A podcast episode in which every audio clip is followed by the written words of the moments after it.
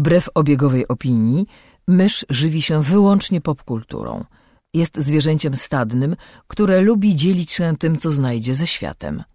Jej naturalnym sposobem komunikacji jest przerywany śmiechem słowotok. Słuchacie podcastu Myszmasz.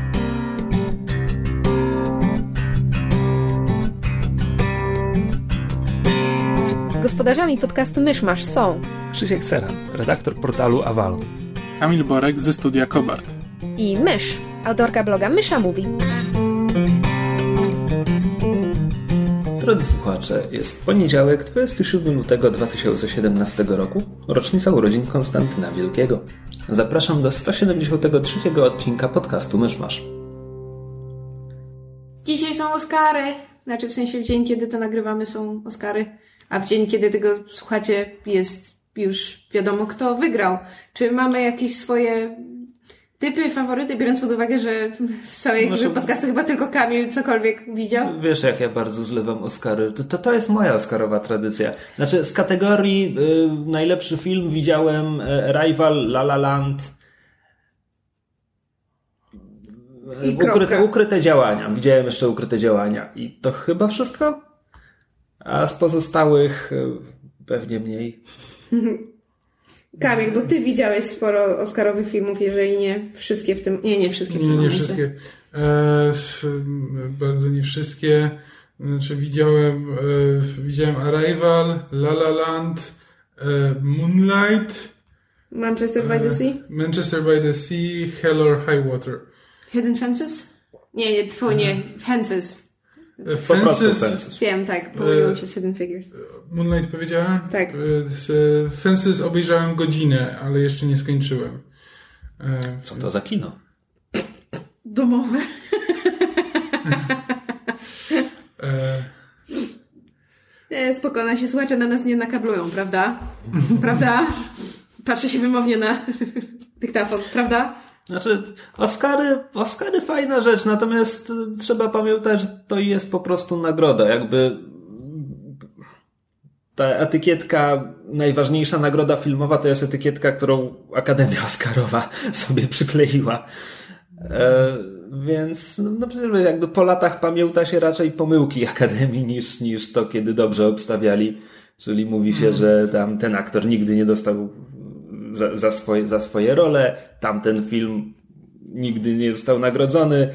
Nie wiem, chyba taka w tym momencie wszyscy pamiętają, że 10 lat temu Crash dostał i zastanawiają się czemu. Tak, to jest typowa nagroda środowiska fi- filmowego, więc, Tak, więc ona zawsze momencie- będzie te, te, czy po amerykańsku polityczna, w sensie tam zawsze będą wchodziły w to różne e, kwestie tego, w- kto kogo lubi, kto jak, Tak, więc- jaki reżyser jest na topie, jaka, jaka tematyka jest na topie i tak dalej. Więc w tym momencie moja prognoza Oscarowa jest taka. Ja nie mówię, kto wygra, ale jeśli wygra La La Land, no to Hollywood kocha Hollywood, oczywiste. Tak. Jeśli wygra Moonlight, a no bo przez parę lat rzędu było Oscar So White, to teraz próbują e, odbić w drugą stronę. Jeśli wygra Manchester by the Sea, no to będzie e, udają, że lubią kino artystyczne. To, to proszę bardzo, noc Oscarowa z, z myszmaszem. Newsy. Newsy? Przejdziemy do newsów? Podobno, że to, że e, Hugh Jackman się zarzeka, że już nie będzie więcej grał Wolverina, to jest jedno, choć prawdopodobnie już się tak zarzekał wielokrotnie, więc nigdy nie wiadomo. A teraz dołączył do tego Sir Patrick Stewart, który stwierdził, że i to Logan to jest jego ostatni występ jako profesor Xavier. Wiesz co, ja ci powiem, że szczerze mówiąc byłem zdziwiony, że, że Patrick Stewart jeszcze, jeszcze wracał po Days of Future Past. Bo tak sobie myślałem, że okej, no to, to jest ewidentnie już przekazanie pałeczki tym nowym aktorom, to dajmy im coś z nią zrobić. Myślę, że przy, może przynajmniej dzięki temu dotarł do Logana, które podobno jest dobry, więc przynajmniej miało szansę zakończyć na wysokiej nucie. Tak się? Przekona, przekonamy się już w piątek. Czy to po prostu znowu Marvel przekupił krytyków, jak mają to w zwyczaju. E, musimy odszczekać e, segment z poprzedniego odcinka, bo ten tam Matt Reeves jednak wyreżyseruje Batmana. A, tak. Jeszcze, jeszcze poczekajmy, zobaczymy. Okej, dobrze. Być może trzeba będzie odszczekać odszczekiwanie. Natomiast y, pojawiła się wiadomość, nie jestem pewien na ile oficjalna, bo przeczytałem to, ale potem zapomniałem, y, że pośród 20 filmów, które Warner Brothers planuje w ramach y, kinowego uniwersum DC, będzie film o Nightwingu. Czyli pierwszym, pierwszym Robinie, co wydoroślał i, i zmienił kostium i ksywę. Um, no fajnie, tylko... To znaczy, no bo właśnie moją pierwszą myślą było, bo co my wiemy o Robinach w Murderverse? No jeden z nich zginął, bo tak. jest kostium. To, co się pokrywa oczywiście z komiksami, bo tam też jednemu się zginęło. Murderverse? Tak, tak się nazywa tak. uniwersum znaczy, Snydera. Tak, tak nazywamy uniwersum A, Snydera. to brand new information dla mnie, ale dziękuję. Proszę bardzo. E, no, więc... E, znaczy znowu, oni mają... To, to jest typowy problem jakby dla filmów DC, to znaczy wprowadzają jakby film, który no owszem, bo, bo, bo fani, bo Nightwing i tak dalej, popularna postać, tylko że jakby samo uniwersum w tym momencie nic nie zrobiło, żeby zapracować na ten film. Czy to jest jak to jest dokładnie ten sam problem, co czekaj, Justice League w sensie. Nie, no nie rozumiem. Czekaj, mówimy teraz o filmie solowym. To to jakby co, robią od razu drużynówkę jest źle, zapowiadają solówkę też no tak, jest źle. Nie no, tylko że robią solówkę jakby postaci, która jest jakby związana z inną postacią i nie pojawiła się do tej pory nigdzie. Znaczy, jakby, że to, to nie, znaczy no Nightwing jest ewolucją postaci, no tak tradycyjnie, jest Jak ewolucją Pokemon. Robina. E, którego nie było do tej pory w żadnym filmie o, Batna, o Batmanie ty, z tych od, od Nolana. Nie licząc, nie licząc występu e, Josepha Gordona Levita, ale to ciężko liczyć.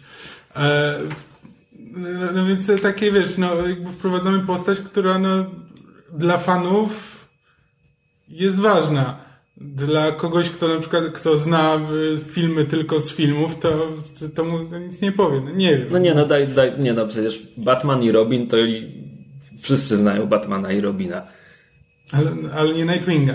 No dobrze, no to masz zwiastun, na którym pokazujesz Robina, a potem jest następna scena, gdzie jest starszy w innym kostiumie i mówi teraz jestem Nightwing. Masz załatwiony no, no, marketing. Okay. Widzisz jakieś problemy no nieważne, w ogóle zobaczymy, czy ten film powstanie, bo mówię, oni mają w tym momencie zaplanowanych kilkanaście filmów. IO9 zrobiło podsumowanie. Ja już zapomniałem, że połowę z nich ogłaszali.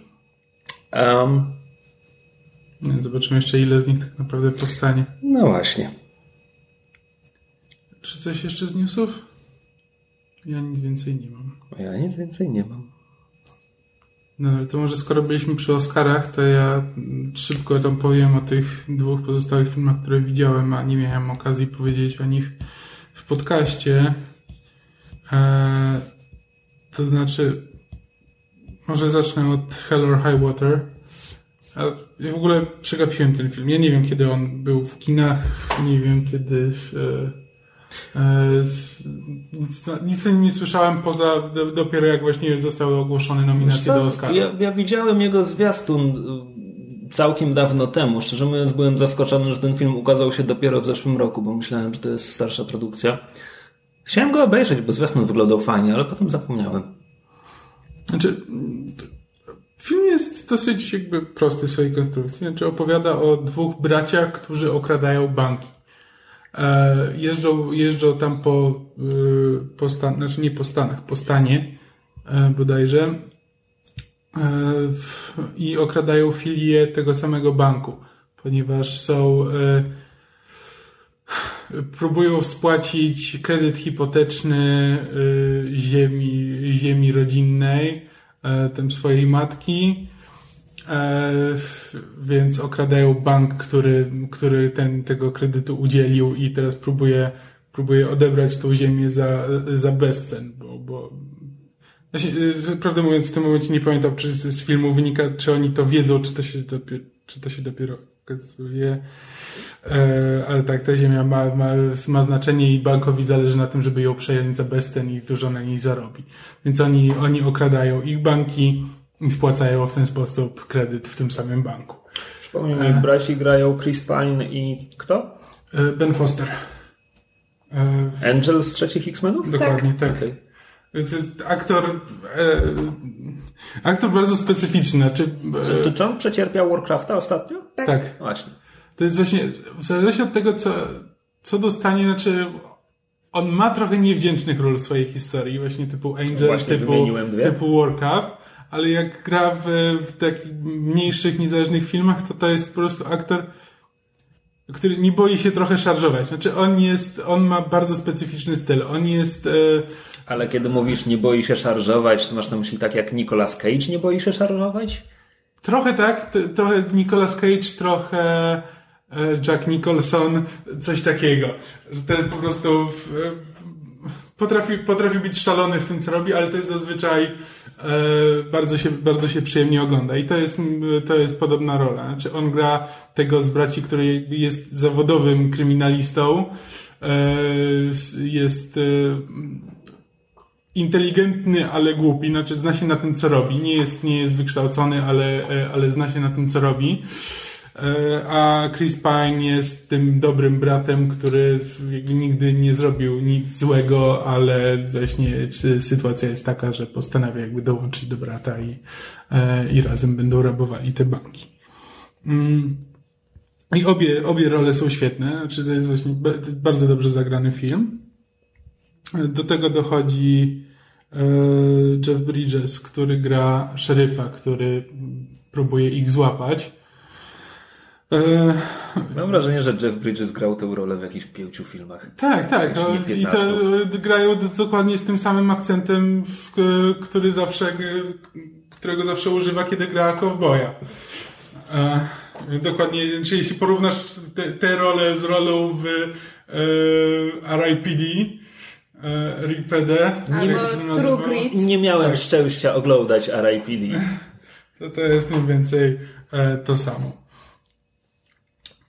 To, do końca trochę ciężko stwierdzić, co właściwie, e, co właściwie ten film robi wśród e, nominacji Oscarowych. To, to, to nie jest głęboki film, to nie jest taki film, który e, Tak, skończysz La oglądać. La Land to jest głębia nieskończona. La La Land też nie jestem pewien, co robi wśród nominacji Oscarowych, Nie, no, poza też tym, jest że jest... świetnie zrealizowany. Nie, no tak, tak.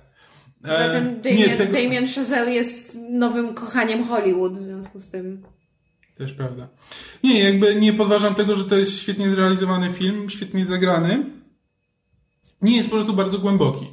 E, jedyna głębia to jest tym, że podczas jednego dialogu, e, ponieważ Jeff Bridges ma e, no, współpracownika, który jest Indianinem, czy też rdzennym Amerykaninem, i rozmawiają o tym, że zasadniczo sytuacja w Ameryce, w której banki masowo odbierają ziemię e, w, obywatelom amerykańskim, to jest porównywalna z tym, jak e, kolonizatorzy e, odbijali ziemię z rąk Indian.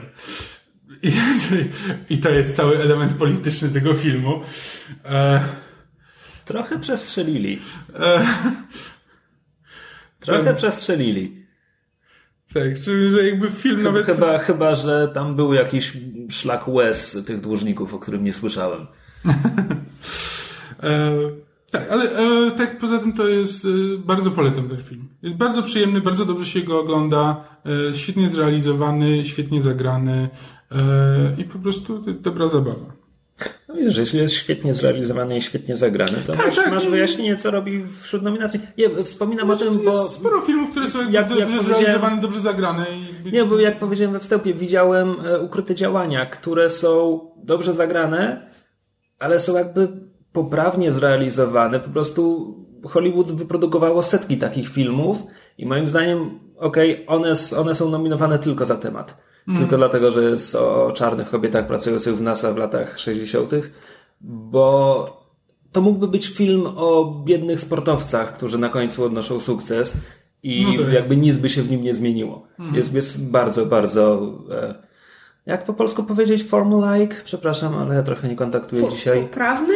Nie, Nie, nie, no że jest bardzo od sztancy zrobiony. O, to jest po polsku. No, to jest syndrom, to jest to, co, to, to, to, co ja zawsze wyrzucam Brokeback Mountain. Czyli tradycyjny romans, tylko wypchnięty w ramy kontrowersyjnego e, kontrowersyjnego settingu. Dobra, No. drugi tydzień z rzędu to Nie za. Tak, właśnie, że sobie uświadomiłem, że to było w zeszłym tygodniu, kiedy na to narzekałem.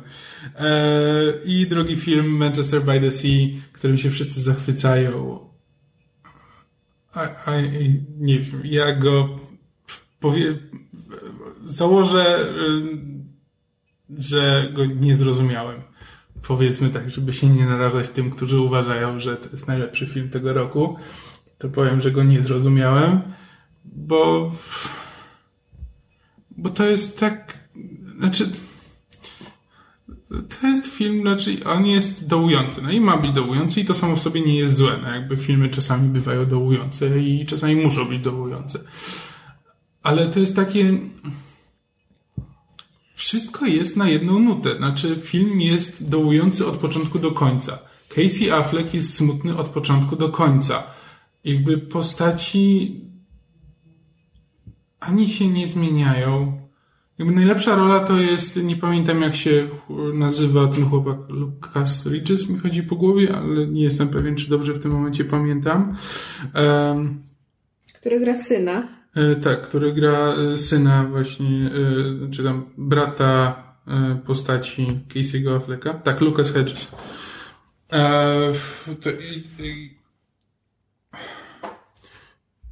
I, to jakby gdyby ten film był o nim, był o tym, był właśnie o tym chłopaku, o tym synu i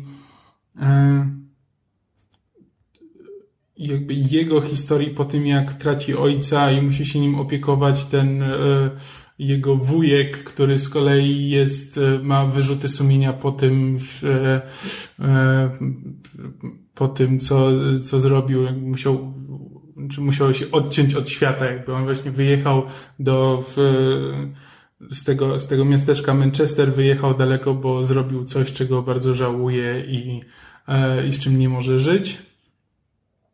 I teraz musi wrócić, bo jego brat, e, bo jego brat umarł i, e, e, i musi się właśnie zaopiekować jego synem. Tylko, że właśnie tak film nie bardzo się jest w stanie, film się właśnie skupia na Casey Afflecku, który w tej historii jest w sumie najmniej interesującą postacią, bo jest po prostu, bo to nie on się zmienia i to nie, i to tak naprawdę nie jest jego historia. I nie wiem, znaczy ja po prostu nie jestem w stanie w tym momencie o tym filmie mówić, bo ja nie do końca rozumiem, co on chciał mi powiedzieć. Znaczy nie, nie jestem nawet w stanie w tym momencie powiedzieć, jakbyś mnie zapytał, o czym opowiada ten film. To właściwie nie wiem. Nie wiem, czy ono właśnie opowiada o Casey Afflecku i o tym, że jest mu smutno, czy on opowiada o e, tym chłopaku, który takie, ma problemy, czy... Jak zadają ci takie pytanie, odpowiadasz, że jest o kondycji ludzkości. Tak, tak. E, tylko nie, nie wiem. Jak chcecie, to opowiedzcie mi w komentarzach, czemu, czemu, co powinienem w tym filmie dostać. Problem jest po prostu taki, i to, to też chciałem, bo właśnie zacząłem oglądać to Fences, które też jest filmem dobrym które dobrze mi się ogląda, a tą godzinę, którą obejrzałem, oglądałem ze trzy godziny. E, bo po prostu... To jakieś naprawdę wyjątkowe kino. To, nie, to, I tylko, że właśnie dotarło do mnie, że to nie jest problem z kinem. Znaczy, problem był w tym, że ja próbowałem się zmusić do tego, żeby obejrzeć te Oscarowe filmy jak najwięcej. Znaczy, plan był taki, żeby obejrzeć wszystko poza Lejonem przed, e, przed Oscarami. Czemu poza Lejonem? Dyskryminacja. Za... Głównie dlatego, że stwierdziłem, że nie będę w stanie obejrzeć wszystkich po prostu czasowo, więc że jeden muszę z tego wyłączyć e, i że mnie kompletnie nie interesuje, więc e, przeżyję, jeśli go nie obejrzę. Ale, ale tam jest Dev Patel, lubimy tego aktora. E, no więc teraz, no, teraz wygląda na to, że jednak, jednak będzie mi sporo brakowało. Właśnie, nie, może to Fences jeszcze dzisiaj dokończę, ale Hacksaw Ridge nie widziałem, nie widziałem ukrytych działań, no i tego Leona w końcu też nie. E, a jakby przy Fences się po prostu zorientowałem, że gdybym oglądał ten film od tak po prostu, to, to, to by mi się pewnie podobał i bym go chętnie obejrzał E, bo jest bardzo specyficzny, to jest jakby film oparty na e, sztuce i to bardzo słychać. Znaczy słychać to w dialogach, słychać to w, mm, i widać w grze aktorskiej, e, tym jak są, tym jak jest pokazany, to dosyć statyczny film, ma właśnie bardzo charakterystyczny rytm dialogów, który jest charakterystyczny dla teatru, nie jest, nie jest charakterystyczny dla filmu. Jakby w filmie raczej się mówi, stawia się na to, żeby dialogi brzmiały realistycznie, żeby brzmiały tak jak y, tak jak zależy, tam... zależy znaczy, tak, jakby, znaczy, to, znaczy tylko, że zazwyczaj się one nie brzmią, znaczy, że ludzie mówią tak jak na przykład to, co Joss Whedon robi, znaczy, że każdy, y, każdy jest tam, y, każdy ma duże poczucie humoru i mówi używając wielu słów, które składają się w zabawny sposób. E, ale mimo wszystko jakby to jest wypowiedziane w taki sposób, tak jakbyś, tak jakby to mm, tak jakbyś to sobie wyobrażał, że osoba w tej sytuacji by to powiedziała, natomiast no jakby e, teatr bardziej deklamuje, jakby te dialogi są takie bardziej e, Jasne, tak, naturalne. ale masz takich scenarzystów jak e, Sorkin, który, którego przecież każdy bohater w każdej chwili jest w stanie wygłosić pięciominutowy monolog na temat o czymkolwiek akurat jest. Jeśli mówimy o West Wingu, to o polityce, jeśli o mhm. newsroomie, to o morałach dziennikarstwa i w ogóle. Ale, znaczy nadal mi się wydaje, że jakby ten rytm jest charakterystyczny. Nie, spoko, jakby rozumiem, rozumiem ogólnie o co ci chodzi. Tak. E, I to, i, to, I tego się po prostu fajnie słucha, to się fajnie ogląda, e, przyjemnie słucha, tylko po prostu doszedłem do wniosku, że oglądanie tylu filmów Oscarowych naraz tylko dlatego, że są Oscarowe, o przepraszam, e, sprawia, że, że zupełnie ich nie doceniam. Znaczy próbuję, próbuję je odhaczyć. E, nie jestem nie jestem w nie stuprocentowo zaangażowany, bo wiem, że zaraz będzie kolejny i że może niekoniecznie nie jestem pewien, czy chce mi się oglądać i tak I po prostu wpędzam, wpędzam się w taką. W, e, w taki nienaturalny tryb oglądania czegoś tylko dlatego, że wypada to obejrzeć. Co nie jest dobre. Nie jest dobre, nie jest dobre dla e, doceniania sztuki filmowej. Mm, więc dlatego sobie, dlatego sobie ostatecznie odpuściłem i obejrzę to Fences jak obejrzę. No. To tyle, jeśli chodzi o moje podsumowanie Oscarowe. No e, i, podsumowując, znaczy są, mam dwa typy. Czy z jednej strony nie obrażę się, jeśli La La Land wygra Oscara, bo to jest po prostu przyjemny film. I dobrze mi się go oglądało. Nie wiem, czy z, ciężko mi stwierdzić, czy na niego zasługuje, ale ja w ogóle z roku na rok nie, nie wiem, który film zasługuje na Oscara i co to właściwie znaczy, czy film zasługuje na Oscara albo nie. E, a drugim jest Moonlight, który uważam, że właśnie e, no tak jak mówisz, że ty, ty i to o tym wspominałem, że jeśli tak jak ukryte działania no są są filmem, który zasadniczo mógłby opowiadać czymkolwiek i tylko, i tylko to, że opowiada o, e, o czarnych kobietach sprawia, że jakkolwiek się wybija, to mam wrażenie, że Moonlight mimo tego, że ma bardzo właśnie taki E, tego polityczną otoczkę, jakby wszyscy mówią o tym filmie, no, no, no to to jest ten film o, e, o czarnym geju, e, to jakby jest, jest o czymś więcej i o czymś bardziej uniwersalnym i, i to jest dla mnie powód, dla którego ten film zasługuje, żeby wygrać, gdyby wygrał. No wiesz, moi rodzice wyszli z niego bardzo rozczarowani. No cóż, co ja mogę poradzić? Nie odpowiadam za twoich rodziców. Um. Obejrzałem, zmieniając temat i format ekranu, obejrzałem pierwszy odcinek serialu Big Little Lies, który u nas leci bodajże jako Wielkie Kłamstewka. HBO, serial. Na, to jest zrobione przez e, Davida i Kelly'ego, czyli twórcę Ellie McBeal A, i Boston Public, chcę powiedzieć, i Boston Legal. To jego serialy tak, też były? Właśnie. Tak. Kolejny twórca o bardzo charakterystycznym w stylu e, prowadzenia dialogów. No, nie, nie tutaj, bo to jest na podstawie powieści e, autorki Lajan Moriarty. Zakładam, że to pseudonim artystyczny. E, to jest serial o miasteczku, czy raczej takiej okolicy podmiejskiej, gdzieś w Ameryce, nawet nie jestem pewien, czy to jest w stanie Waszyngton? To może być stan Waszyngton albo Kalifornia, nieważne jeden z tych stanów.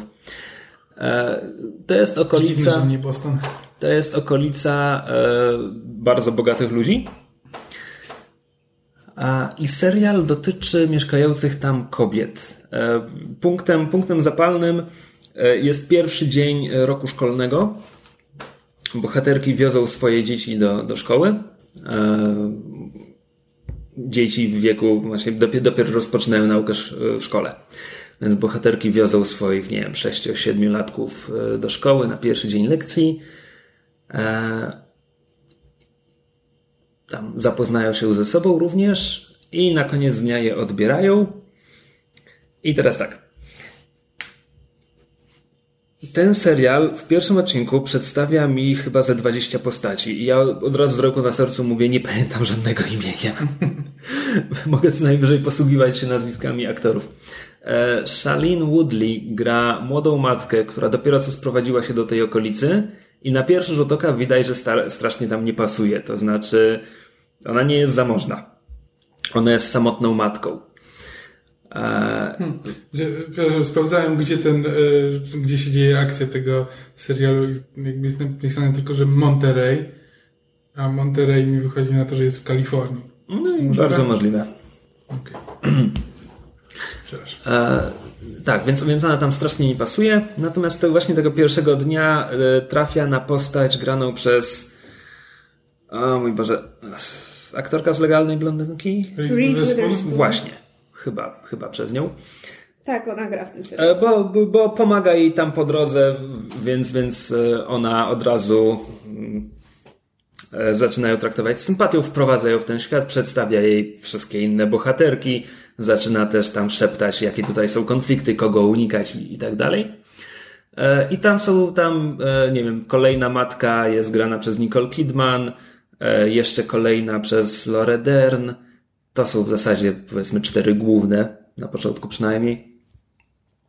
A na koniec dnia, kiedy wracają po swoje dzieci, okazuje się, że e, córeczka Lory Dern e, ma ślady na szyi, że ktoś ją udusił. I tam nauczycielki próbują, jakby zbierają wszystkich uczniów we wianuszek, i z, rodzicami i no, nie może tak być, musimy to jakoś rozwiązać.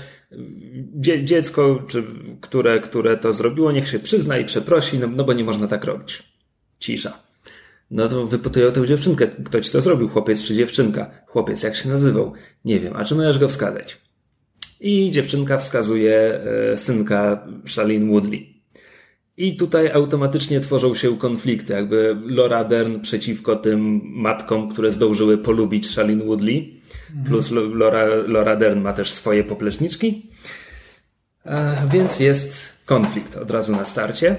E, potem, zaraz potem dochodzi do dalszych podziałów, bo nawet ludzie, którzy jakby nic nie wiedzą o tym konflikcie, od razu już mówią sobie, musimy, musimy powiedzieć naszym dzieciom, żeby nie zadawały się z tym chłopcem, skoro jest skoro jest niebezpieczny, więc od razu dochodzi do takiej, jest motyw takiego ostracyzmu w, w społeczeństwie. A to wszystko jest przeplatane futurospekcjami z przesłuchiwań policyjnych, bo ktoś zginie. W sensie ktoś zginął w tych futurospekcjach, a jakby w tej warstwie, którą oglądamy, w tej głównej warstwie, jakby to jest dopiero przyszłość.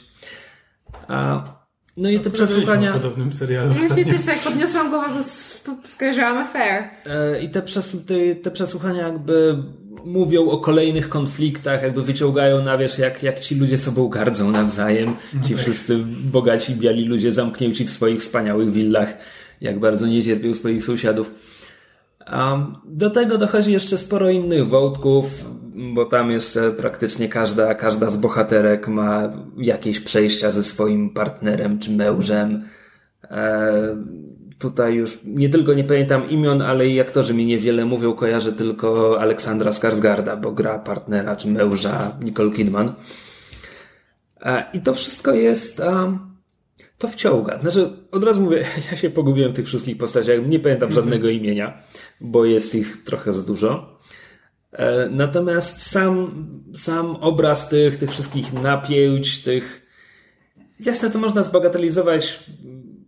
W zasadzie wiesz, serial, serial, który mógłby się nazywać First World Problems. E, ale jest, jest zrobiony z werwą, jest znakomicie zagrany. Znaczy po prostu, no tam świetne aktorki do tego zatrudnili. Aktorzy też są w porządku, ale oni, oni są bardzo w tle. no, tak, więc, więc tak to wygląda to jest jakby kompletna obyczajówka z jakimś thrillero-kryminałem w tle, tylko że na razie, na razie ten motyw tego morderstwa jest w przyszłości. Więc w tym momencie nie tylko nie wiemy, kto zabił, nie wiemy też, kto zginął. Mm. Więc jest, e, no, że tak powiem, atmosfera niepewności. Um, tak, tak, to chyba tyle. Warto, warto dać szansę. W momencie, kiedy to nagrywamy, chyba już był drugi odcinek, ja go jeszcze nie widziałem, więc, więc nie wiem, jak to się rozwija. E, ale na pewno warto, warto spróbować. E, to ja jeszcze mm, się cofnę trochę do przeszłości, e, bo ostatnio skończyłem grę The Last of Us wersji zremasterowanej na PS4. Gra oryginalnie ukazała się na PlayStation 3. I dla tych, którzy nie, wiem, nie wiedzą, to e, to jest, to jest gra o e, postapokalipsa? Tak, postapokalipsa tak jakby zombie, tylko że w tej grze nie ma zombie, tylko są ludzie grzyby. Tak, ludzie grzyby. Ludzie zainfekowani e, przez jakąś grzybiczną infekcję. To jest która... ta sama, która wywołują mrówek zachowania zombie w naszym no tak. środowisku, w sensie no tak. nie growym, tylko naszym realnym świecie. Tak, jakby grzyb przejmuje kontrolę nad organizmem człowieka. E, I jakby zaczyna się, zaczyna się właśnie w momencie, kiedy zaczyna się ta apokalipsa, czyli kiedy wybucha, e, kiedy jest szczyt tej epidemii i e, wszyscy tam próbują uciekać z miasta, z miast, w których się znajdują, e, ludzie zainfekowani, zabijają wszystkich dookoła, wpadają w szał i w, e, próbują wszystkich zabić. I z, tutaj poznajemy naszego bohatera e, Joela, mm, który próbuje uciec właśnie z miasta ze swoją córką i bratem. E, I tutaj, znaczy, będę rzucał spoilerami, bo to jest gra sprzed już nie wiem ilu tam lat. E, a to zresztą to nie jest spoiler, bo to jest po prostu początek, początek gry. Znaczy Joel e, traci córkę podczas tej ucieczki z miasta. Jego córka ginie i w tym momencie przenosimy się 20 lat później do świata już po, tego postapokaliptycznego, w którym wszyscy żyją w militarnych strefach, po prostu odgrodzonych od reszty świata, e, po to, żeby ci zainfekowani nie mogli się tam dostać. E, wojsko, wojsko szuka ludzi, którzy się wymykają z miasta e, pod osłoną nocy, sprawdza, kto jest, kto jest zainfekowany, kto nie. Jeśli ktoś tylko z testu wychodzi, że ma infekcję, to natychmiast jest zabijany. E, no i tam Joel sobie jakoś tam, jakoś tam żyje. E, I tam po różnych tam e, historiach trafia na dawną znajomą, która prowadzi mm, zespół takich buntowników, rebeliantów, którzy właśnie buntują się przeciwko temu, temu militarnemu rządowi, który zarządza tymi strefami i ona każe mu y, wziąć małą dziewczynkę Eli, 13-letnią bodajże, w realiach gry, e, ponieważ została ugryziona i, e, i nic jej się nie stało. I to jest jakby ewenement na skalę światową. Nie ma do tej pory wszyscy, którzy zostali zainfekowani, to e, zamieniali się w zombie po tam, nie wiem, chyba 24 godzinach czy coś takiego. E, a ona najwidoczniej jest odporna, więc trzeba ją zaprowadzić do, e, do jakiegoś medycznego punktu, w którym, e, w, w którym oni ją odbiorą i z, zbadają ją po to, żeby stworzyć szczepionkę na to ja, Mówiłeś, że tymi strefami zmilitaryzowanymi włada tam jakiś, jakiś żołd, jakaś znaczy, hunta wojskowa czy coś to, takiego? To, to nie jest rząd, to, tam nie ma, w tym świecie nie ma jakby sformalizowanych żadnych struktur. Po prostu znaczy są żołnierze, ale jakby w, w, żadnym momencie nie wiesz, e, kto, kto nimi dowodzi, czy tam jest właśnie jakiś rząd, który, e, który tym rządzi, tylko po prostu są, jest wojsko i są ludzie, którzy się buntują przeciwko wojsku.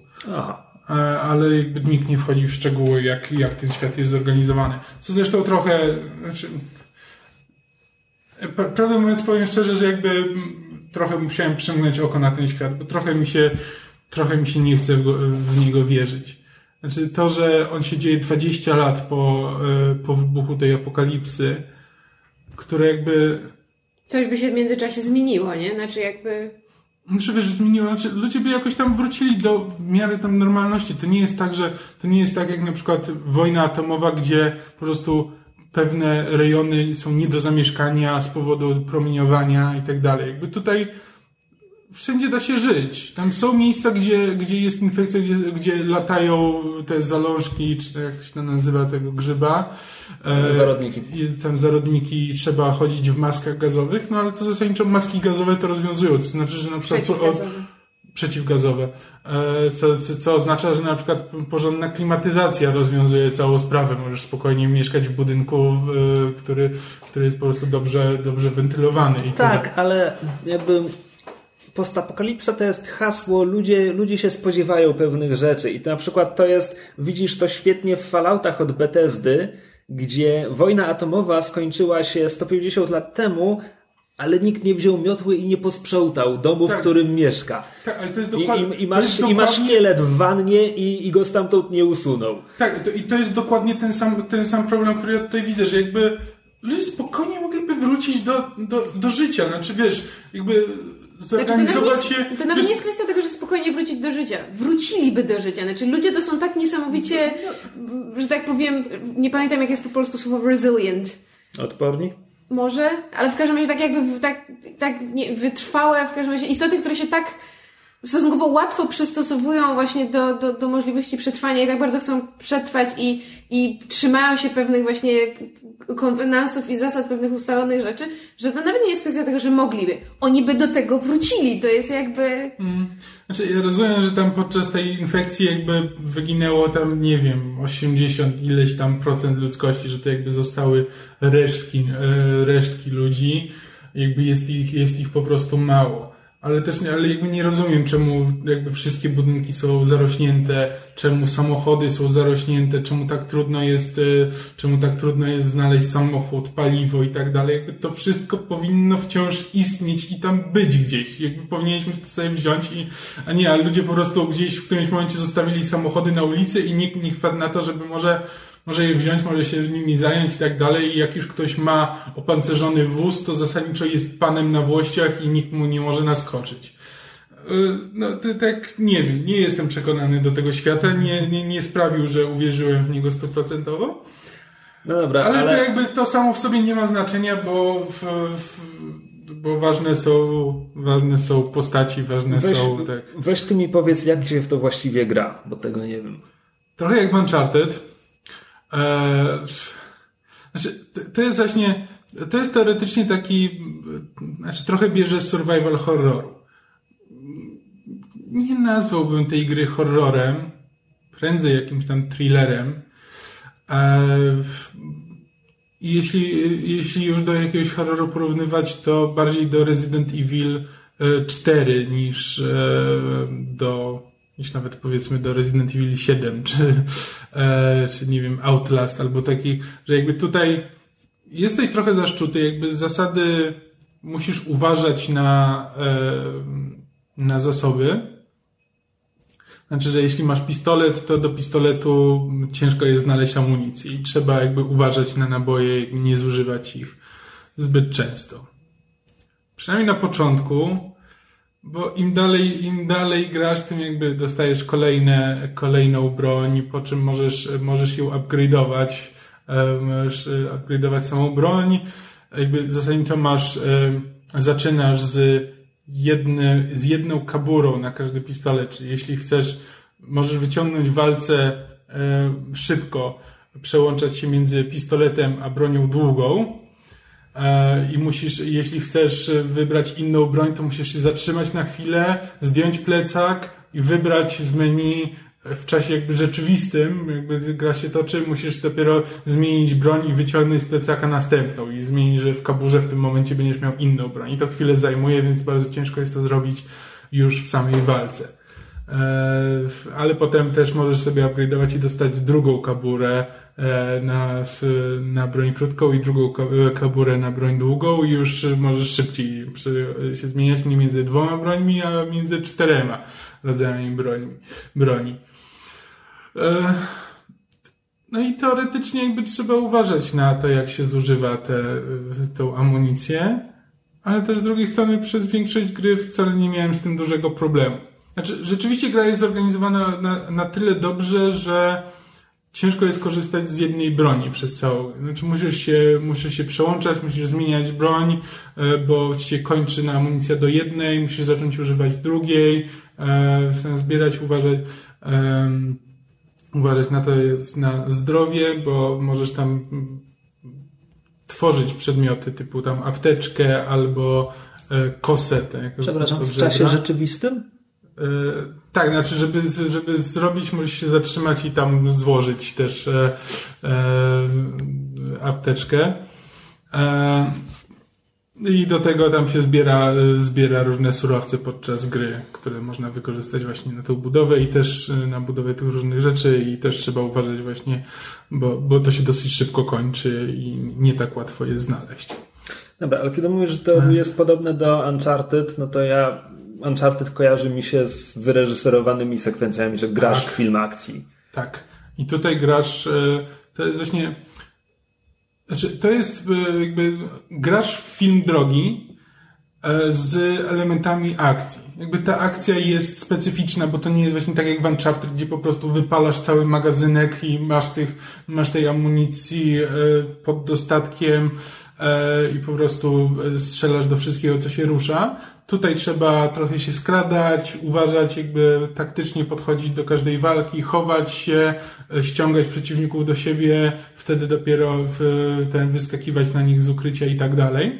Ale to, to są sekwencje akcji. To nie jest tak, że to jest, e, że to jest właśnie takie horrorowe, że jesteś zaszczuty i musisz uważać na siebie i chować się. Mimo wszystko jakby, znaczy, masz przerąbane, jeśli trafisz na kilku przeciwników, ale jeśli uda ci się ich e, trafić na nich pojedynczo, to, e, to wygrywasz. To jakby to masz przewagę. Więc jest taka, że z jednej strony jesteś zaszczuty, z drugiej strony jesteś łowcą. E, I jakby musisz się, musisz się skradać i atakować niczym alien z ukrycia. Okay. Abstrahując od tego, że to jest kompletnie inny gameplay, to jeśli ja już grałem w grę, w której e, opiekuję się małą dziewczynką i muszę ją ratować przed zombie, mam na myśli Walking Dead, e, wydane rok przed Last of Us, sprawdziłem przed chwilą, e, to czy historia Last of Us ma mi coś do zaoferowania jeszcze? Tak. Znaczy uważam, to jest bardzo, bardzo fajnie napisana historia. E, jakby z tym e, Naughty Dog, e, twórcy gry, nigdy nie mieli problemów. Znaczy, potrafią pisać postaci, potrafią pisać jakby interesujące postaci. Przy czym to, co mogę im zarzucić, to, że Eli jak na trzynastolatkę jest jednak... Mała dorosła. Tak, dokładnie. Znaczy, znaczy ona jest grana przez... Ashley Johnson. Przez Ashley Johnson, dwudziestoparolatkę. I jakby i pisana jest bardziej jak, znaczy gdyby to była szesnastolatka, prawdopodobnie nie miałbym problemów. No taka dojrzała, dojrzała szesnastolatka, mogę uwierzyć, że radzi sobie tak dobrze jak właśnie jak ta Eli. Szczególnie, że jest e, sekwencja, czy jest spory fragment gry, w którym jakby przejmujesz kontrolę nad Eli. E, I, I nią musisz sobie radzić i zasadniczo ona radzi sobie nie gorzej od Joela. E, a, wiesz, jest, y, tam trochę czasu mija, ale to mija parę miesięcy e, w, w grze. E, więc tak, e, postaci są dobrze napisane, trochę, trochę trzeba właśnie przymknąć oko na to, że mm, jakby ta gra może nie, to nie jest thriller psychologiczny, to nie jest, to nie jest dramat psychologiczny, który by ci pokazywał, jak bardzo ta, ta apokalipsa E, zmienia to Eli, jak ciężko jest e, jej przeżyć albo Joelowi i tak dalej. Mm. Raczej mimo wszystko to jest y, jak tylko trochę, trochę się poboją, poboją, poboją, a potem rzucą dwa żarty na koniec sekwencji i pójdą dalej. I właśnie trzeba to bardziej traktować jako e, taki film, znaczy film drogi z elementami thrillera i z elementami akcji. E, I to, ale to właśnie robi bardzo dobrze. Znaczy zarówno znaczy, postaci się bardzo łatwo jest je polubić yy, i zaczyna na mnie zależeć, pojawiają się tam praktycznie w każdej w każdej tam sekwencji, tam rozdziale, czy jakby tego nie nazwać, pojawiają się tam jakieś nowe postaci, które dołączają, dołączają do nas, no i to zawsze jest tak, czy, czy można im zaufać, czy nie i co się, i co się dalej stanie. To jest jakby jedyny wątek fabularny, tak. który można rozegrać w apokalipsie zombie. Nie, to znaczy to, to, to, znaczy to, to jest jakby, że to jest po prostu to, to, to, nie jest tak, że to jest tylko... Nie, czekaj, przepraszam. Mówisz, że jest rozgrywany wątek, czy można im zaufać, czy nie, ale ty jako gracz nie masz na to kompletnie wpływu, prawda? Nie masz. Mm, to, znaczy, to nie jest podstawowy wątek. To jest zawsze jakby w tyle na zasadzie, że no, nigdy nie wiadomo, czy, te, czy tej osobie można zaufać ale jakby zazwyczaj e, wątek dany, danej osoby, która się do ciebie dołącza, dotyczy czegoś innego. E, I to nie jest tak, że ciągle tylko się musimy zastanawiać nad tym, czy można jej ufać, czy nie. To jest tylko gdzieś tam w tle. Że po prostu nie wiemy, na czym, jej tym, na czym tej postaci akurat zależy. I się dowiadujemy tego gdzieś, e, gdzieś później. Znaczy to, to nie jest, to nie jest e, wybitne dzieło. To nie jest, znaczy, okej, okay, nie czytałem. Połowa internetu nie czytałem próbuje mnie przekonać, że jest inaczej. Nie, nie, bo, bo to jest gra, która ci próbuje przekonać, że tak jest. To jest tak jak, e, ale to mimo wszystko to jest Uncharted, tylko że zombie trochę poważniejsze. Jakby i wiesz, no to w tej grze jest sekwencja, w której uciekasz przed opancerzonym samochodem, który e, naparza w ciebie z minigana jakby wiesz, no to, to nie jest coś, co, co byś kojarzył z głębokim dramatem psychologicznym w postapokalipsie. To jakby nie, nie, nie do końca o to chodzi. Jakby to jest, to jest wciąż gra akcji i to, i to jest główne, co ta gra ma ci do zaoferowania. Po prostu ta akcja jest, y, jest inna niż w Uncharted, tak po prostu wymaga od ciebie trochę innego zestawu, y, zestawu umiejętności i przy tym no, ma, ma interesującą fabułę, ale nadal ta fabuła jest liniowa. E, tam nie masz w żadnym momencie żadnego wyboru, żadnego wpływu na to, co się dalej stanie. E, jest trochę zmarnowanym potencjałem. Czy ja tak naprawdę grając w to, uznałem, że najfajniejszą grą, w jaką chciałbym w tym momencie zagrać, e, to jest This War of Mine, E, w którym te wstawki, w których wychodzisz, wychodzisz z domu i idziesz szukać, e, szukać zasobów, to jest gameplay z The Last of Us. Czy to by się trochę nie kłóciło pod względem nastroju? Trochę. Te... Trochę. Znaczy, to, to, zależy, co tam masz do. Z, e, jakby ten. To jest, wiesz, to, to jest właśnie to jest ten problem, że jakby zaczynasz grę i rzeczywiście musisz się starać. Znaczy, wiesz, masz jeden pistolet z pięcioma nabojami, kilkunastu przeciwników i musisz, musisz na siebie uważać. No ale potem gra się rozwija, masz tych pistoletów e, sześć różnych, plus łuk, plus bomby e, z gwoździ, koktajle Mołotowa i tak dalej. No i nagle się zmienia trochę co innego. Gdyby to jakby te proporcje zachować bliżej początku gry i przenieść do This War of Mine, tak jakby to by wciąż działało. Rozumiem. To, to, jest kolejny, I to jest kolejny motyw, w który nie, nie potrafię uwierzyć w świat, bo Joel przez całą tę grę, czy, jeśli chcesz kogoś zabić po cichu, to masz dwie opcje. Możesz go zaj, tam zajść od tyłu i go udusić, co trwa chwilę e, i jest trochę głośniejsze. Jeśli ktoś jest bliżej, to możecie usłyszeć albo możesz go zadźgać, ale możesz go zadźgać tylko taką kosą, e, shiv, shiv, to się po angielsku nazywa, taka po prostu improwizowana, improwizowany nóż, e, który łamie się po jednym razie, e, potem można upgrade'ować, tam zdobyć upgrade, który ogranicza, że łamie się po dwóch razach. Ale, Ale niektóre postaci mają nóż, które ci pomagają. Mają po prostu normalny myśliwski nóż. A potem grasz przez moment Eli, która po prostu ma nóż i może po prostu zadźgać innych i nigdy jej się ten nóż nie łamie. I... Ludonarracyjny dysonans. Tak, tak. Ale jak tak mówisz, że, że Joel potem może no, nosić do sześciu pistoletów, to mi przypomina jak w Black Flag Matt Ryan musiał polować na rekiny, żeby móc nosić przy sobie więcej pistoletów. Tak, no, to...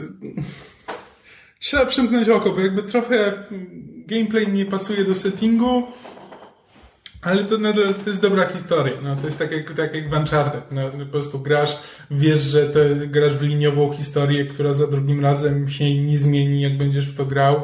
E, jakby sama, same elementy gameplayowe są bardzo porządne, jakby na wysokim poziomie, ale też nie, zazwyczaj nie pokazują niczego, byś nie widział w, w innych grach i co było wybitne ale po prostu jako całość, e, jako całość e, robi, e, robi bardzo dobre wrażenie i, i sprawia, że jesteś ciekaw, co będzie dalej i brniesz. Szczególnie, że to jest długa gra. Ja naprawdę miałem wrażenie, że ja w to, w to gram długo. To nie jest tak, że to jest... Tak, ile ci zajęło przejście? Wiesz co, nie wiem, ale to jest dobry, dobry kilkanaście godzin. Liczy? Co? Konsola ci nie liczy? Być może, nie wiem, okay. nie sprawdzałem, ale też jakby miałem otwartą tą grę i wychodziłem, co sobie robić, więc też ciężko mi stwierdzić, ile z tych godzin to tak naprawdę było na grę, ale, ale jestem przekonany, że to było powyżej 14 godzin. To sporo. No. Jak na taką grę. Jeśli dobrze pamiętam coś przeczytanego parę lat temu, to albo tutaj, albo w trzecim czy czwartym Uncharted są easter eggi sugerujące, że to jest jeden świat że Last of Us jest przyszłością świata Uncharted. Znaczy, nic nie stoi na przeszkodzie. Znaczy... To trochę pesymistyczne dla Drake'a i kumpli. Znaczy, wiesz co, no, Uncharted dzieje się w naszym świecie, a The Last of Us dzieje się w naszym świecie po, po apokalipsie, więc to tak naprawdę nie jest wielkie odkrycie, że to może być ten sam świat. wiesz, to nie są dwa różne światy fantazy, to nie są dwa różne księżyce nie, no, odległych ale, planet. Okej, okay, ale jest, no... jest różnica między... No, nieważne, chodzi mi o jest sugestia ciągłości fabularnej między jednym i drugim. No tak, ale... Dobra. Um, komiks. Przeczytaliśmy komiks. Przeczytaliśmy komiks. A komiks jest sprzed paru miesięcy, nie pamiętam dokładnie ilu, ale dość w miarę świeży. E, mowa o Bradlu, komiksie wydanym przez e, Egmont we współpracy z Polską Grupą Energetyczną i przede wszystkim Muzeum Powstania Warszawskiego. Gdyż albowiem jest to polski komiks historyczny o bohaterze, który brał udział w Powstaniu Warszawskim, czyli postać autentyczna i praktycznie wszystko, co właśnie powiedziałem, normalnie bym nie od niego, jakby minąłbym go z daleka, mm -hmm. bo, bo ukazało się sporo takich rzeczy i one mnie kompletnie nie interesują. Ale tutaj scenariusz napisał Tobiasz Piątkowski. A jak słuchacze y, podcastu mogą pamiętać, bo mówiliśmy o Piątkowskim i Jadlerze chyba w piątym odcinku dość długo, to jest scenarzysta, którego ja strasznie lubię. To jest scenarzysta, którego komiksy tak naprawdę jak, jak trochę mi się znudził Kaczor Donald i Asterixy, to, to komiksy Piątkowskiego były pierwszymi, które wciągnęły mnie jakby mm. w, w szerzej w jakieś inne komiksy. E, swoją drogą z, z, tego albumu dowiedziałem się, że on jest tylko 7 lat starszy od nas, więc musiał być szczylem, jak je pisał, no ale... No tak. Kto, Ale, kto, kto zdolny mu zabroni? Jakby 48 godzin i drugie 48 stron. godzin tfu, stron e, to jest jedna z najlepszych polskich komedii, jakie, jakie czytałem, a potem Break Off i Overload e, są po prostu strasznie fajnymi filmami akcji, po prostu dobrze napisanymi, z fajnie zarysowanymi postaciami, nie jakoś bardzo głębokimi, może nie skupiającymi się na typowych problemach cyberpunku, ale, ale to po prostu są, są fajne, fajne komiksy akcji. Tak, po więcej na ten temat odsyłamy do odcinka, tak. nie wiem, 1, 2, 3 lub 4 któryś teraz, z bardzo pierwszych. A teraz Piątkowski wziął się za poważniejszy temat. Znaczy to już nie, to, to już nie jest to Overload, to już nie jest tylko, nie liczy się tylko wartka akcja i fajne postaci, no tylko trzeba jakoś oddać realia świata. Tak, Bradl to jest kryptonim operacyjny Kazimierza Leskiego, który był e, wywiadowcą, żołnierzem, żołnierzem AK. E, I ten komiks pokazuje nam e, początek jego działań w konspiracji. Akcja zaczyna się we wrześniu 39. Po przegranej kampanii bohater wraca do Warszawy. E, przekrada się, e, wraca do okupowanej Warszawy i od razu zaczyna szukać możliwości e, i działania. I po pierwsze, to jest ciekawie wydane, bo to jest album, który tak naprawdę jest dwoma zeszytami. W sensie dosłownie jest podzielony na pół, one mają nawet osobne okładki zawarte mm. wewnątrz, wewnątrz zbioru. E, I też ten podział jest bardzo wyraźny, bo tam mamy upływ czasu między pierwszym zeszytem a drugim.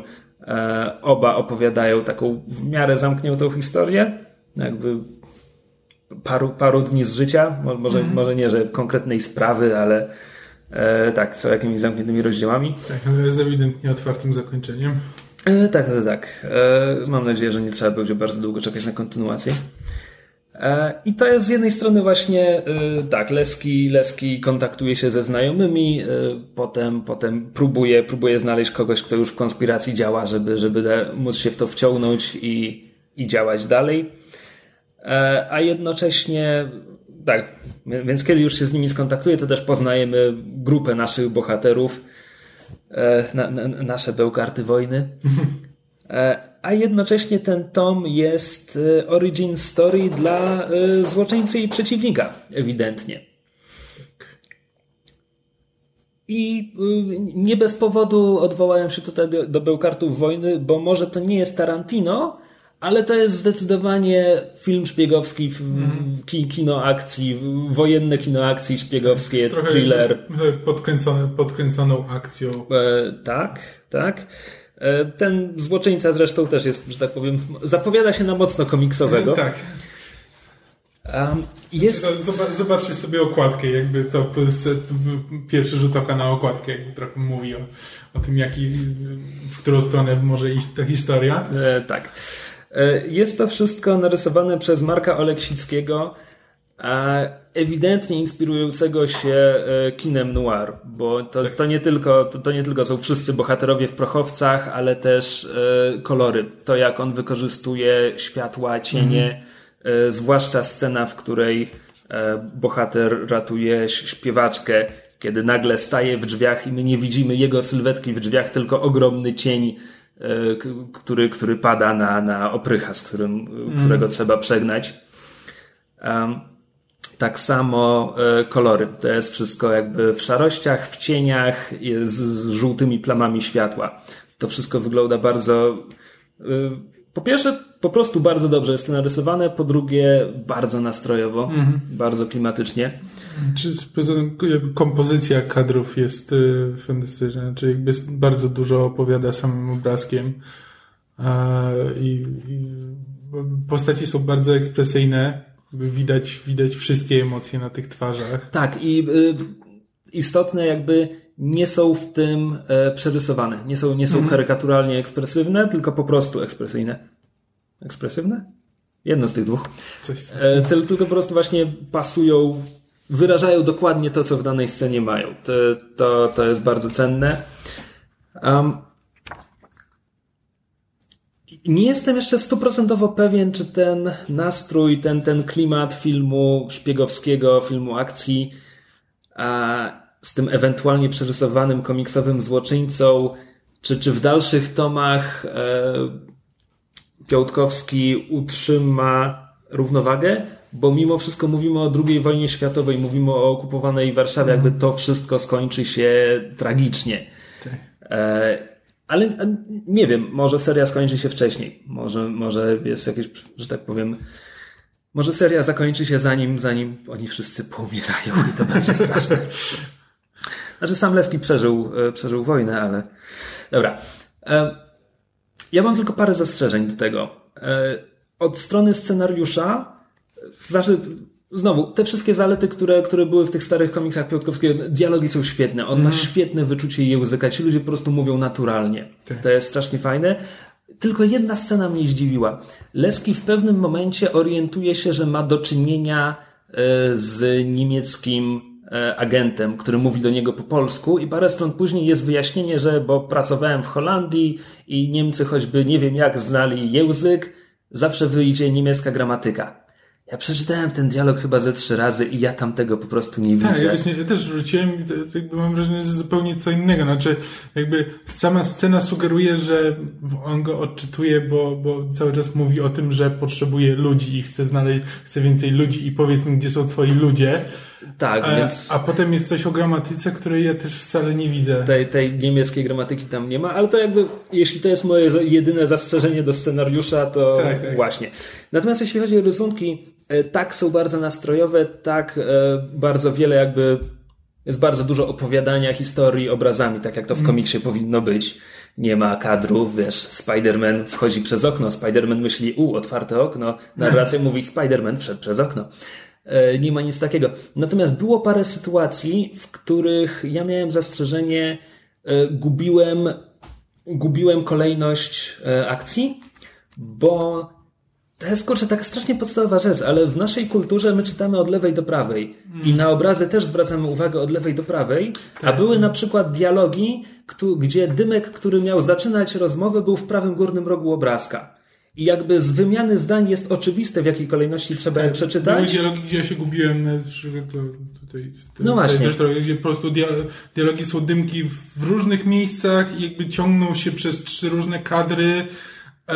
Je, nie jestem pewien, która, która wypowiedź Znaczy, jak- jest, e, wynika z której. Jak przeczytasz sobie wszystko, to sobie wszystko złożysz, natomiast Tak, one ale- czasami nie płyną po prostu tak, jak powinny. E, I jeszcze były ze dwa czy trzy momenty, gdzie w rysunku jest wstawiony mniejszy panel, który też ewidentnie powinienem na niego spojrzeć najpierw, ale on jest wstawiony w prawy górny róg tego obrazka, a nie w lewy górny.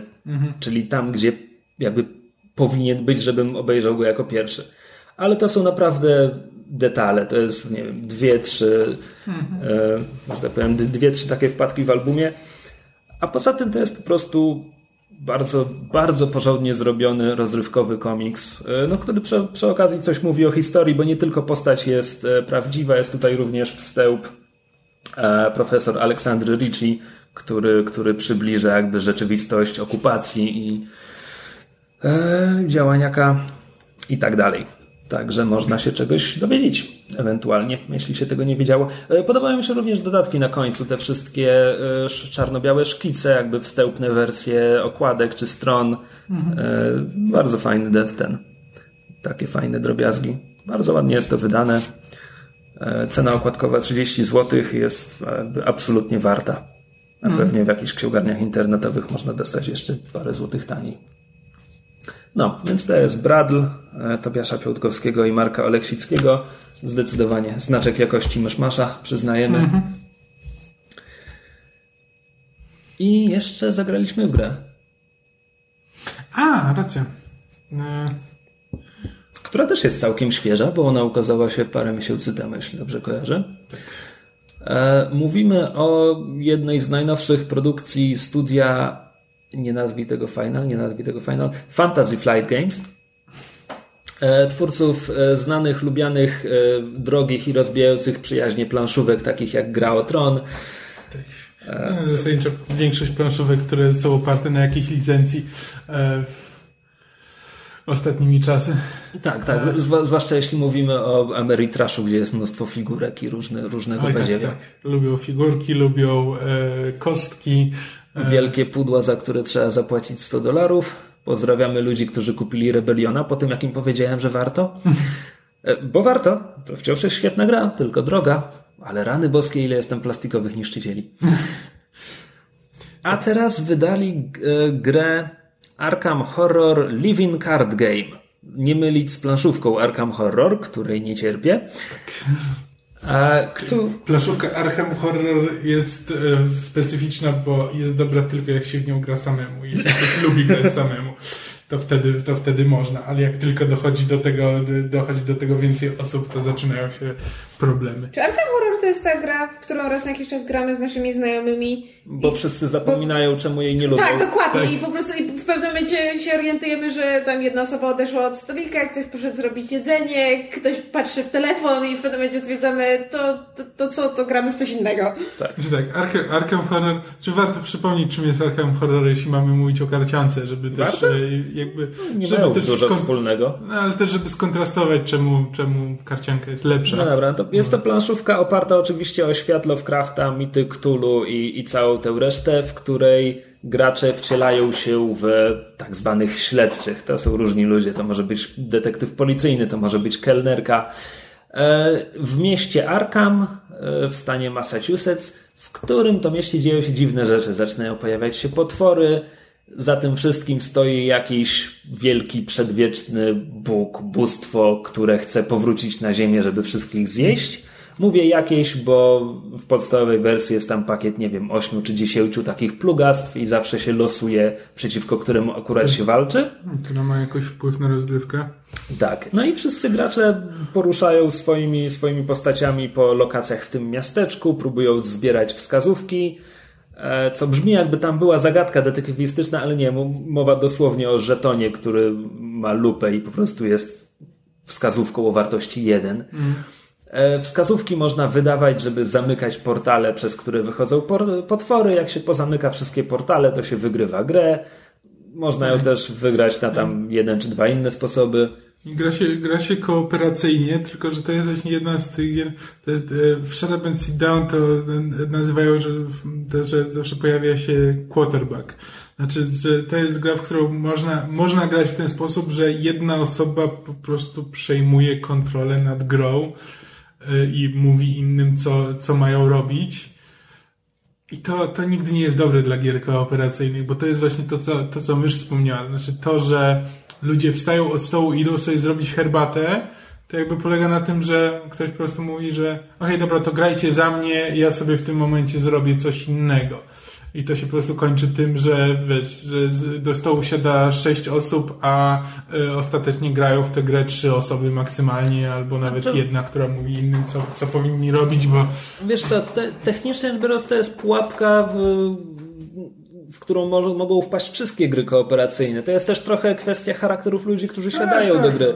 Ja- Jakby mój główny problem z Arkham Horror wcale nie polega na tym. Mój główny Nie, problem z Arkham jest taki, że- Horror jest taki, że to jest cholernie losowa gra, w której twoja postać może być kompletnie bezużyteczna, bo po prostu nie trafisz na dobre artefakty Tak, albo nie będzie miała... zagoniony w róg przez jakiegoś e, potwora i spędzisz e, pięć tur siedząc w jednej lokacji i po prostu dobierając, dobierając karty, bo nie jesteś w stanie tego potwora pokonać, nie jesteś w stanie Nie, no to- uciec, a nie ma nikogo wiesz w okolicy, kto może ci go sprzątnąć. No. Jeszcze jak jesteś zagoniony w róg, no to możesz negocjować z innymi graczami, hej, chodźcie mi pomóc, z tym można coś zrobić. Ale ja kiedyś spełdziłem pół rozgrywki, bo moja postać po prostu zagubiła się w czasie i przestrzeni i musiałem siedzieć, dopóki nie wyrzucę szóstki i nie wyrzuciłem jej przez kilka kolejnych kolejek.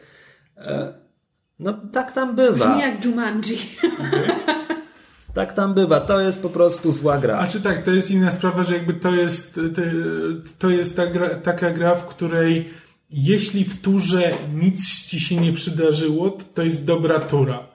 No tylko to jest nudne. Tak, i to jest właśnie, to jest nudne, bo po prostu liczysz na to, że o mój Boże, byleby mnie teraz ktoś nie zabił, a szanse na to, że jakby twoja tura będzie miała pozytywny efekt, są nikłe i to się zdarza. I jakby to jest zgodne trochę powiedzmy z Lovecraftem, gdzie jakby nie przytrafiają ci się dobre rzeczy. Jakby wszystko jest przeciwko tobie i tylko liczysz na to, że gdzieś tam ostatecznie uda się osiągnąć jakiś sukces, który i tak będzie okupiony znacznie większą stratą. E, ale, ale to nie jest przyjemna gra, znaczy to nie jest coś, w co masz ochotę potem grać. Chyba, że zapomnisz, że jest fatalna i wszyscy cię namówią i potem Tak, impreza się dlatego, sypie. dlatego ja właśnie mówię, że paradoksalnie najlepiej się w to gra w jedną osobę, bo jeśli grasz jedną osobą i kontrolujesz kilku, e, kilku tych śledczych, to nie masz tak, że w którymś momencie ta twoja postać, którą grasz, staje się bezużyteczna, więc ty zasadniczo możesz sobie wstać i pójść. E, I to jest jedyne, co tę grę ratuje. Znaczy, trzeba w nią grać samemu, co nie, nie o to chodzi w planszówkach. No, więc przejdźmy wreszcie do tego, o czym mieliśmy Tak, mówić. czyli karcianki.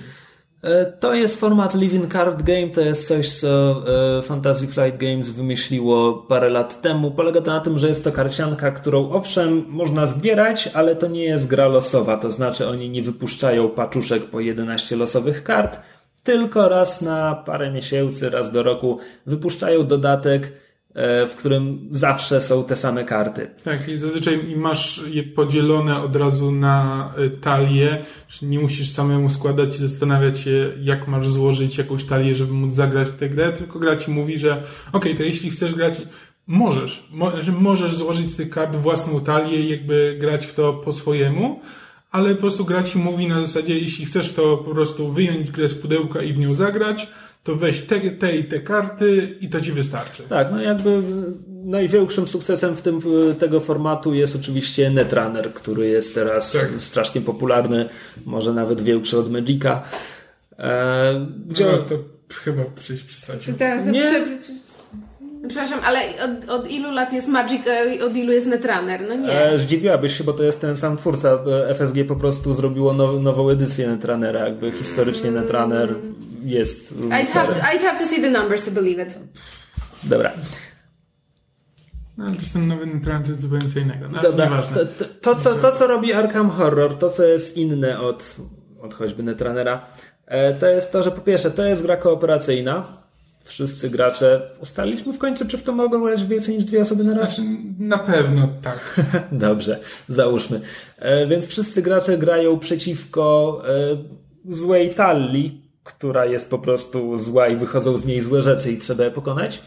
E, po drugie, to jest karciana gra fabularna, co jest czymś, z czym się dotąd nie spotkałem. Tak, znaczy masz, jak zaczynasz grę, to masz dwa, e, dwie takie talie, czy talie. One się składają każda z trzech kart zazwyczaj. Znaczy masz e, talię aktów, gdzie masz pierwszy, drugi i trzeci akt i talię agendy, też, która jest podzielona na trzy karty i jakby talia, e, talia aktu posuwa się naprzód w momencie, kiedy właśnie gracze znajdują wskazówki i e, jeśli znajdą odpowiednio dużo wskazówek, to właśnie to jeden akt się kończy, dzieje się coś, e, coś się wydarza w grze i zaczyna się kolejny akt. A z drugiej strony jest agenda, która też, e, jeśli się ją zapełni, czy jeśli tak, ten nieistniejący przeciwnik, czyli ta zła karta zapełni ją żetonami, to właśnie to, e, to staje się coś niedobrego i e, Tak, to znaczy- zmienia się sytuacja na planszy. Kart, karty aktu jakby odliczają te sukcesy graczy, Tak, Oczywiście kolejne akty wiążą się z kolejnymi niebezpieczeństwami, natomiast talia agent jest zasadniczo takim licznikiem czasu. To jest tym, co ci siedzi na karku i ci mówi, no za dwie tury wejdzie trzecia karta agendy i tam na pewno jest coś strasznie złego, musimy wygrać teraz, bo, bo będzie coś bardzo złego. E, drugie, co jest bardzo ciekawe, to jest każdy gracz wciela się w konkretną postać i talia, którą dysponuje, to są właśnie umiejętności czy, czy różne zasoby, zasoby danej postaci. Te postaci mają swoje imiona, natomiast e, już potem, gdyby chciało się konstruować własne talie, to bardziej liczy się e, nie, nie ich indywidualne imię, tylko typ, więc mamy tam e, Mamy tam survivora, kogoś, kto może nie jest jakiś bardzo dobry w walce, ale, ale jest odporny i ma karty, które pozwalają mu stawiać czoła tym wszystkim horrorom i, i grać dalej. E, Nie pamiętam wszystkich czterech pozostałych. Na pewno mamy tam e, kelnerkę, która jest wiedźmą. E, To jest strasznie. Bardzo chcę tym zagrać następnym razem, bo to jest strasznie dziwna talia, gdzie ona ma czary, które są potężne, ale kosztują ją e, po, poczytalność. To znaczy tutaj, tak jak zazwyczaj, kiedy, kiedy e, ktoś robi grę na podstawie Lovecrafta, postaci mają z jednej strony zdrowie fizyczne, z drugiej strony zdrowie psychiczne. Więc magiczna kelnerka musi płacić swoim zdrowiem psychicznym za rzucanie potężnych czarów. To wygląda bardzo fajnie. E, Ty grałeś, kim ty grałeś? Ty grałeś detektywem, który był takim z jednej strony typowym twardzielem nastawionym na walkę, ale z drugiej strony było mu łatwiej zbierać wskazówki, bo to wciąż śledczy. Tak, bo jakby każda wygrana walka dawała mu, dawała mu wskazówki. To się, klasa nazywa się Guardian. A właśnie. I są jeszcze dwie inne klasy, których w tym momencie nie mogę sobie przypomnieć. Ja też nie pomogę ci. Właśnie. Ale na, ale na pewno one też Tak, no, cechują się jakimś swoim Masz- charakterem. Masz pięć różnych postaci jakby w pudełku po, podstawowym, którymi można, e, którymi można grać, a jakby w dodatkowych na pewno w kolejnych Natomiast- wydaniach będą nowe postaci nowe sposoby na grę. Samo pudełko mówi ci tylko, jak skonstruować talię dla dwójki z nich, prawda? Jeśli chcesz. Jest tam rozpiska Tak, kart jest dla rozpiska dla pięciu różnych postaci. dobra. Natomiast y, potem, jeśli chcemy się bawić w deck building, to wygląda tak, że każda postać y, ma powiedziane, z których kart może korzystać, bo te wszystkie karty są przypisane do tych konkretnych klas i podzielone na poziomy od 0 do 5. y, Wszystko, Jeszcze właśnie to jest to, z, której, e, z kart dana klasa może korzystać, bo jakby właśnie No, o to tak, chodzi, tak. że postać możesz zbudować na wiele różnych sposobów, masz jakby ograniczone e, karty, z, e, które możesz jej dobrać, ale to nie jest tak, że te karty są przypisane do danej postaci, tylko no, po prostu możesz sobie zbudować na jedną postać, możesz zbudować na wiele różnych sposobów. Tak. I wracając do tej warstwy fabularnej, e, śmiałem się z Arkham Horror, że wskazówka to jest, to jest żeton wartości jeden wskazówka. E, tutaj też. To, to nie jest tak, że tutaj gracze naprawdę mają jakąś zagadkę do rozwiązania. Natomiast e, opisy na kartach, to, że do tego, jest, do tego jest broszurka, która jest jakby jakimś wprowadzeniem do scenariusza, plus potem opisy już na, samej, na samych kartach stali agent i aktów, składają się na dość prostą, banalną, ale jednak historię. I na, jakby... I możesz się też zastanawiać, co będzie dalej na tych kolejnych kartach aktów. Znaczy, jeśli, bo, jeśli ich nie przeczytasz wcześniej, no bo jeśli ktoś ma kompulsję i musi czytać karty przed grą, to, to co innego, ale zasadniczo gra jest skonstruowana tak, że e, nie musisz czytać tych kart, e, nie powinieneś wręcz i jakby zastanawiasz się, no okej, no to ja owszem, chcemy teraz zebrać wskazówki po to, żeby przejść do następnej karty aktu, ale nie wiemy, co się stanie. Znaczy, jak się od, odsłoni ta kolejna karta aktu, to coś się, jakoś sytuacja na planszy się zmieni. I też, no, nie, prawdopodobnie nie zmieni się na lepsze dla nas. Znaczy, prawdopodobnie będzie to lepsze, niż gdyby zmieniła się ta zła karta agendy, ale nadal to będzie, prawdopodobnie pojawi się jakieś nowe wyzwanie dla nas, które, z, z którym będziemy musieli sobie poradzić. Tak, i to wszystko składa się na to, że ta gra. E, wyzwaniem jest tam oczywiście odpowiednie korzystanie z, z tego, co masz akurat na rełku, współpraca z, z drugim graczem czy pozostałymi graczmi. Graczmi? Wow! Wow. Wow! Dobra. Wow.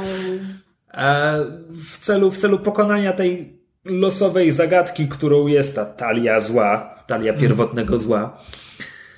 E, ale jest to nastrojowe i wciągające i naprawdę byłem zaskoczony tym, mówię, ta fabułka była banalna, Tak.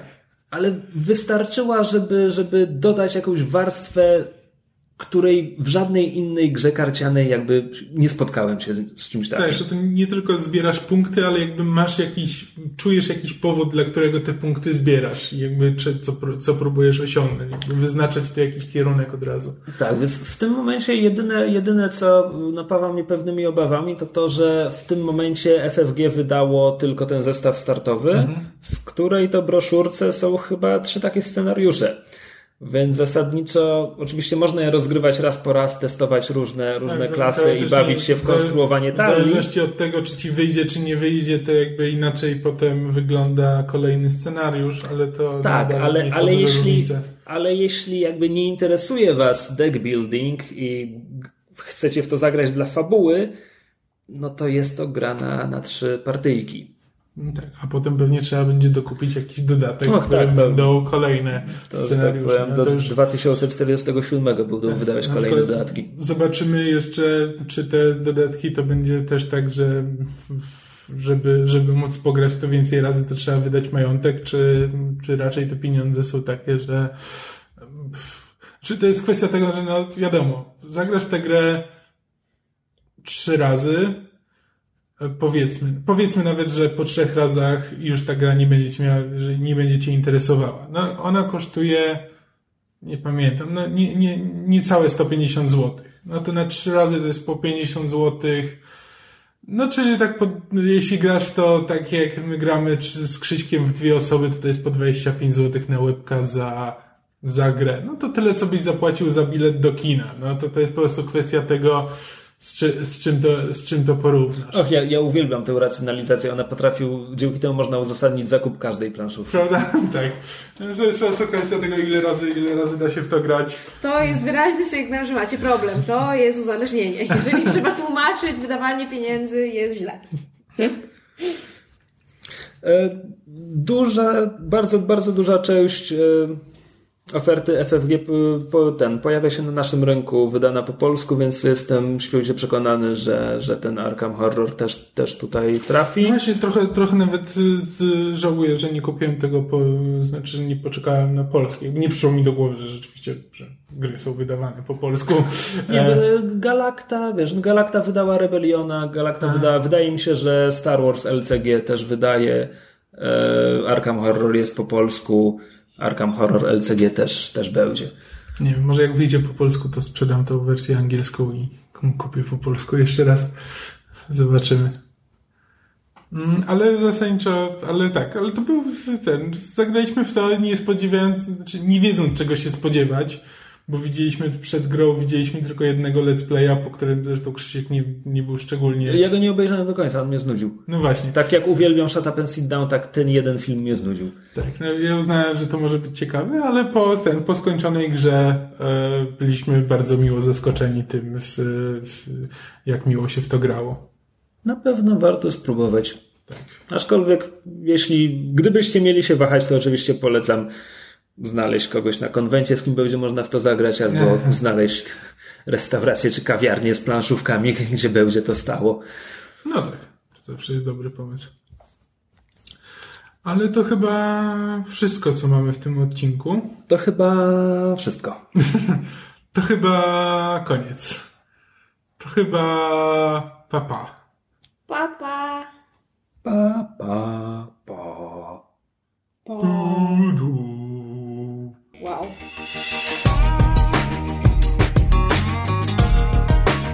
Słuchaliście podcastu Myszmasz. Możecie nas znaleźć na myszmasz.pl lub polubić nasz fanpage na Facebooku. Możecie nam także wysłać maila na myszmaszpodcast.gmail.com Jeżeli do nas napiszecie, będziemy szczęśliwi jak mops w trampkach.